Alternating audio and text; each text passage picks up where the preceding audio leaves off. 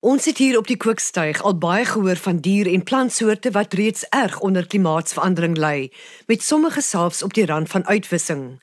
Soms hoor ons egter ook van die groot stryders, diere en plante wat gehard is en aanpas ongeag die omstandighede. Een so 'n gewas is sorghum, 'n stapelvoedsel vir sowat 'n half biljoen mense. Ons gesels vandag via Skype hier in die kookstuig met landbouekonoom en navorsingskoördineerder van Graan SA, Pietro Fourie, oor die rol wat die gewas in 'n veranderende, warmer wêreld speel. Die program word tegnies versorg deur Lindsey Johnson. Pietro, waarvoor word sorghum hoofsaaklik gebruik? Graansorghum is wêreldwyd regtig 'n baie belangrike produk vir mens en sowel as vir dier ook. So as 'n mens spesifiek na Suid-Afrika kyk, so 95% van ons sorghumproduksie, dit gaan in die menslike verbruikmark in. So As ons praat van die menslike verbruikmark, is die grootste deel daarvan die meelmark. Dit is dan nou byvoorbeeld soos mabelle wat as 'n ontbyt of 'n suurpap bedien kan word en 'n kleiner persentasie daarvan gaan in die tradisionele sorghumbuurmark in. En dan op die einde dan is daar so 5% van die totale um, totale produksie wat meer dan nou vir die dierlike verbruik dan nou benut word. So dis eintlik ewe geskik vir mense sowel as diere.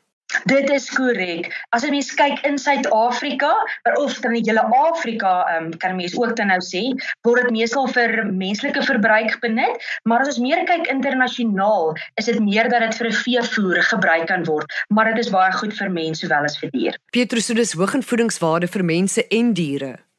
Ja, beslis. As ons spesifiek eintlik meer kan fokus op die die menslike deel daarvan. Die sorghum is ryk aan verskeie belangrike voedingsstowwe. Ons weet ons proteïene, ons vitamiene, ons minerale. So as ons 'n vergelyking kan maak, byvoorbeeld soos in die mabelle wat 'n sorghum ontbytpap dan nou is teenoor mieliemeel wat Suid-Afrika se stapelvoedsel is. As ons daai twee vergelyk, is dit baie hoër in byvoorbeeld ons yster en ons sink.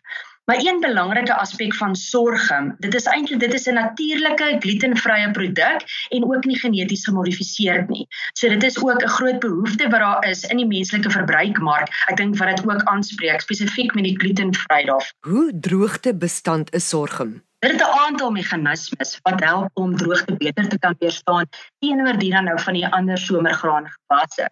Maar so enige meganisme is byvoorbeeld dit 'n goed ontwikkelde wortelstelsel wat natuurlik mos nou help dat dit doeltreffend is met die opname van water. So dit help hierdie gewas om dan nou meer aanpasbaar te wees tydens dan nou droogte toestande. So graansorghum besit die vermoë om gedurende droogte stremmingsperiodes, hulle noem dit 'n 'n 'n sogenaamde groei stilstandfase dan nou oor te kan gaan om hierdie um, om hierdie gewyse dan aan die gewas tydens daai droogte stremming dan te kan beskerm. Sorghum groei op sy beste in temperature van tussen 27 en 30 grade Celsius, maar buitengewone hoë temperature is glo nadelig. Beteken dit die plant word enigstens bedreig deur aardverwarming? As ons praat van aardverwarming, dan kyk ons mos maar natuurlik dat dat ons verwag dat temperature nou gaan warmer word. So deur middel van duisende jare se selektiewe teeling het ehm um, die gewas dan nou ontwikkel om hoë temperature beter te kan weerstaan as die meeste van ons ander graangewasse soos mielies en sojabone. So dit is egter wel gevoelig mos maar vir hoë temperature gedurende 'n spesifieke stadium in die blomvorming omgewing stadium dan nou is. Maar Albesit sorghum hierdie droogteverdraagsame eienskappe. Hoor dit egter nie hierdie langdurige ekstreme hitte en droogte toestande te kan vryspring nie. So aardverwarming sal wel 'n effek hê op sorghumproduksie die pad vorentoe.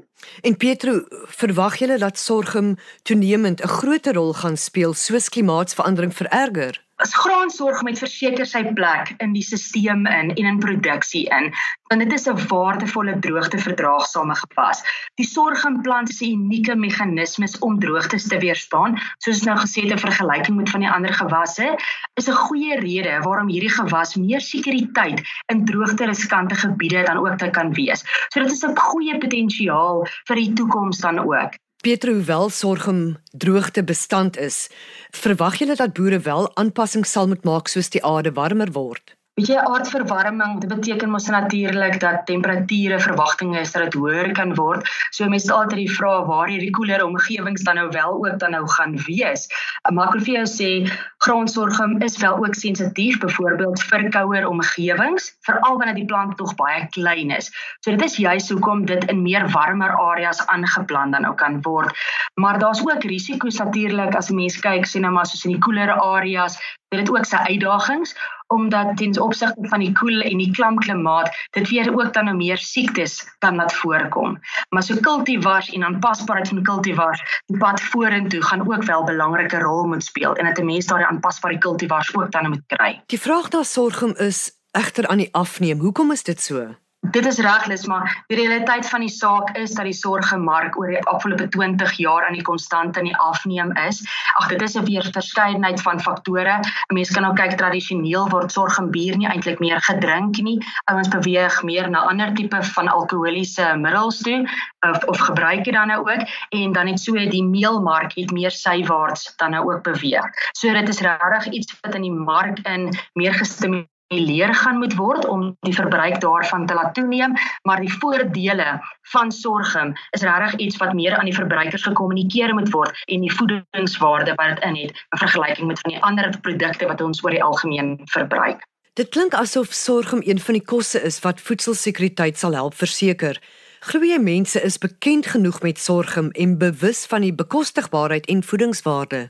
Met Suid-Afrika se ekstreme klimaatskommelinge en die verwagtinge dat warmer en droë toestande nou realiteit kan word, kan die sleutelrol van sorghum in voedselsekuriteit regtig nie langer misgekyk word nie. So daar is 'n plek vir sorghum vorentoe in Suid-Afrika, spesifiek as 'n mens dan nou kyk vir goeie kos vir ons populasie en weens daardie goeie voedingseienskappe van sorghum. Dit was landbouekonoom Pieter Fourie van Graan SA. Ons het vandag heelwat oor sorghum se voedingswaarde gesels, maar daar is ook heelwat mediese voordele. Daar word gesê sorghum kan onder meer sekere tipe kankers help voorkom, diabetes beheer, rooi bloedsel ontwikkeling stimuleer en is besonder goed vir die spysverteringsstelsel. Boere in Noord-Afrika het reeds wat 8000 jaar gelede sorghum begin groei. Die plant het dus die toets van tyd geslaag.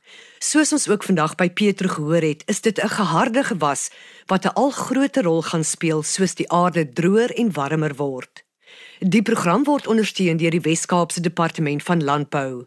Ons groet tot volgende week. Onthou die aarde is kosbaar. Kom ons bewaar dit.